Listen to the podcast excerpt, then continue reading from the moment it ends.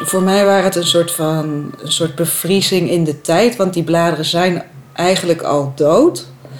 Uh, maar ze representeren ook het leven of die cyclus die erachter zit.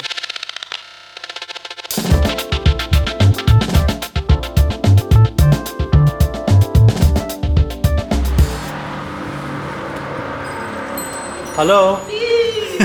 Vies, hè? Ja.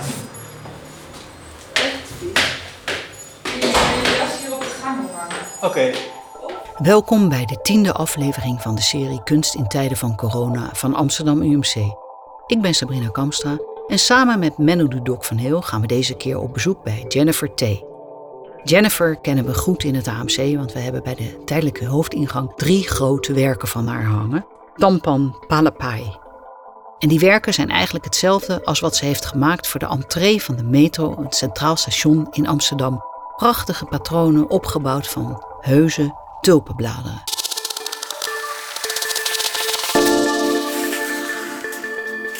Ik vraag haar of er een relatie is met het werk wat ze voor ons aan het maken is en haar andere werken. Ik, ik was bezig met het maken van uh, tulpencollages. Dat, dat zijn collages gemaakt van uh, gedroogde tulpenbladeren. En eigenlijk vond ik het mooi dat, om meer te gaan werken in een soort van seizoenscyclus.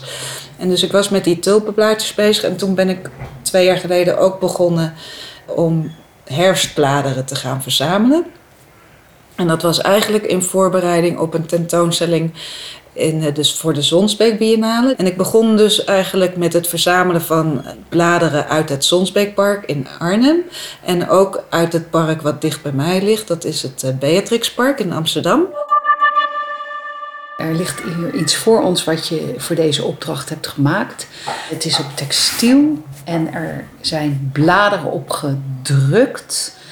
En uh, verder zijn er ook nerven vergroot van bladeren, wat ook onderdeel is van het werk. Meer zal ik er niet over vertellen, want het is veel leuker als jij het zelf vertelt.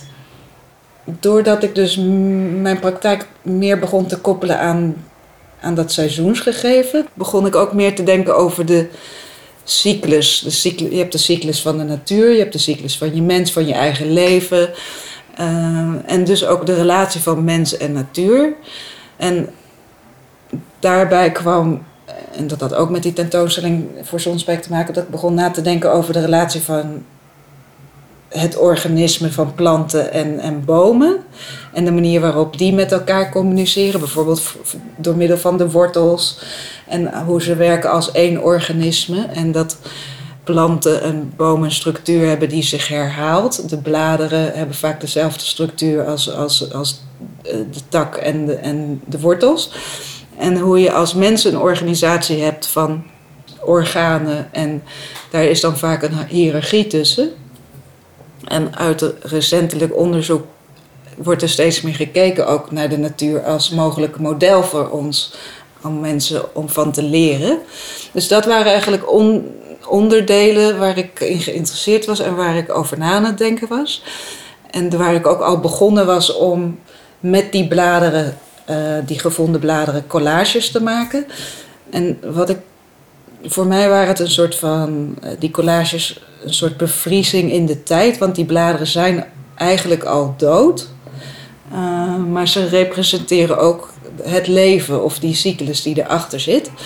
En dus ik vond dat een spannend beeld opleveren. Ook om daar misschien in die collages zitten een soort van lagen. het zijn eigenlijk stroken van verschillende plantenonderdelen, ook soms van alleen maar de nerven zelf. Ja, dat, dat was eigenlijk de basis van de collage. En toen ik gevraagd werd voor het UMC om, om een werk te maken in verband met de COVID-tentoonstelling, wilde ik er nog een andere uh, aspect aan toevoegen. En dat was eigenlijk dat ik merkte in dat, in dat jaar, uh, afgelopen jaar, dat je je toch anders als je werk op een bepaalde manier wordt doorbroken. Dus bij iedereen was dat zo. Je moest thuis gaan werken of wat dan ook. Dat je je toch meer naar de natuur ging verhouden. En, en ook de kracht zag van de natuur, van alles gaat door. De, de, de, de babyvogels komen, de plantjes komen op. Dus dat gaat gewoon door. Terwijl wij op een bepaalde manier ons totaal moesten gaan heroriënteren. Dus, eh, en ook door dat jaar door voelde het alsof de kalender, dus het jaar, soort van verscheurd was geraakt in, in een soort van stukken. Dus eigenlijk die stroken van tijd, dat zijn in mijn collage weer kleurstroken. Die heb ik letterlijk papieren verscheurd en dan weer ingescand. En die heb ik weer over die collages van die planten heen gelegd. En eigenlijk om die twee elementen naast elkaar te leggen. Je hebt uh, in een van de gesprekken die we over je werk hadden recent... Ik vraag haar over het Anthropoceen, het zogenaamde tijdperk van de mens.